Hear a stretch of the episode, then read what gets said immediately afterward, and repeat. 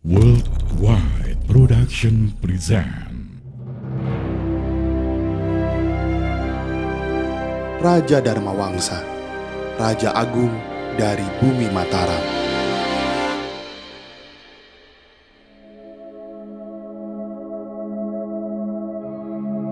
Pada 929 Masehi, Empu Sindok memindahkan pusat kerajaan Mataram kuno dari Jawa Tengah ke Jawa Timur.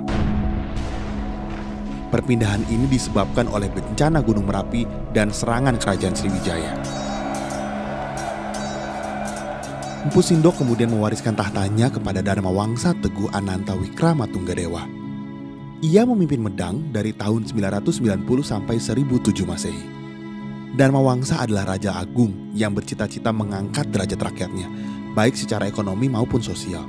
Salah satu upaya untuk menggairahkan kehidupan ekonomi rakyat Medang, Dharma Wangsa memerintahkan membuat galangan kapal yang kebetulan di daerah Jawa Timur mempunyai banyak hutan jati yang kayunya cocok untuk dibuat kapal.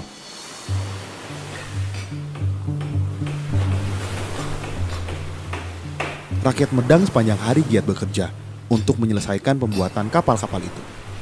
Dharma Wangsa juga mengumpulkan pemuda-pemuda yang kuat dan tegap untuk dilatih menjadi prajurit yang akan ditugaskan di kapal-kapal. Prajurit-prajuritku yang perkasa, tugas kalian adalah melindungi perahu-perahu dagang dari para bajak laut. Dengan amannya kapal-kapal kita, maka jalannya perdagangan akan lancar. Negara akan memperoleh keuntungan, rakyat pun sejahtera. Kapal-kapal ekspedisi dagang itu bergerak ke berbagai penjuru Nusantara. Beberapa dari armada yang ada menuju Bali maupun Kalimantan. Tetapi yang paling berat adalah tugas armada yang menuju barat untuk menguasai kerajaan Sriwijaya. Di Bali dan di Kalimantan, armada dan Wangsa mampu membangun pangkalan. Sementara armada barat hanya mampu mengepung Sriwijaya pada tahun 991 sampai 992 Masehi. Dalam waktu 10 tahun, Sriwijaya tidak dapat bergerak bebas. Laut Jawa, Selat Malaka, dan Laut Cina Selatan dikuasai oleh armada Dharma Wangsa. Hal ini tentu saja secara ekonomi menguntungkan kerajaan Medang karena mampu menarik pajak di daerah tersebut. Selain memperhatikan kehidupan ekonomi, Raja Dharma Wangsa juga seorang yang memperhatikan pendidikan rakyatnya. Pada suatu hari, Dharma Wangsa menyamar sebagai rakyat biasa. Ia keluar masuk desa bergaul dengan rakyatnya. Setelah beberapa waktu berada di desa, Dharma Wangsa menyimpulkan ternyata banyak tingkah laku rakyatnya yang belum sesuai dengan ajaran-ajaran baik.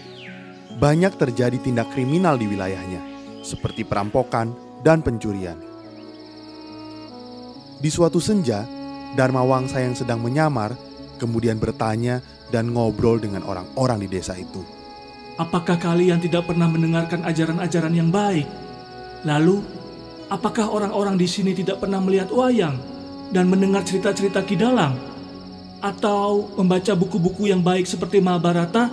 Ya, sudah tentu kami semua menonton wayang dan mendengar cerita Kidalang. Tetapi sayang, Kidalang sering kali menggunakan bahasa Sansekerta. Kami tidak begitu paham. Apalagi buku Mahabharata. Kami rakyat desa sama sekali tidak paham isi buku-buku itu.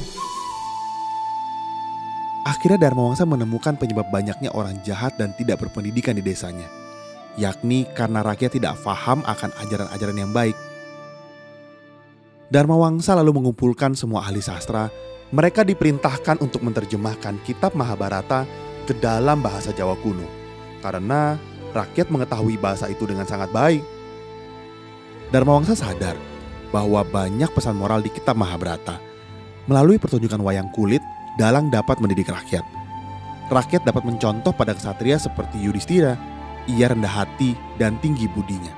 Dan juga mengajarkan agar rakyat tidak mengikuti tingkah laku kaum angkara murka seperti Rahwana yang bersifat dengki, jahat, tidak berperi kemanusiaan dan sewenang-wenang.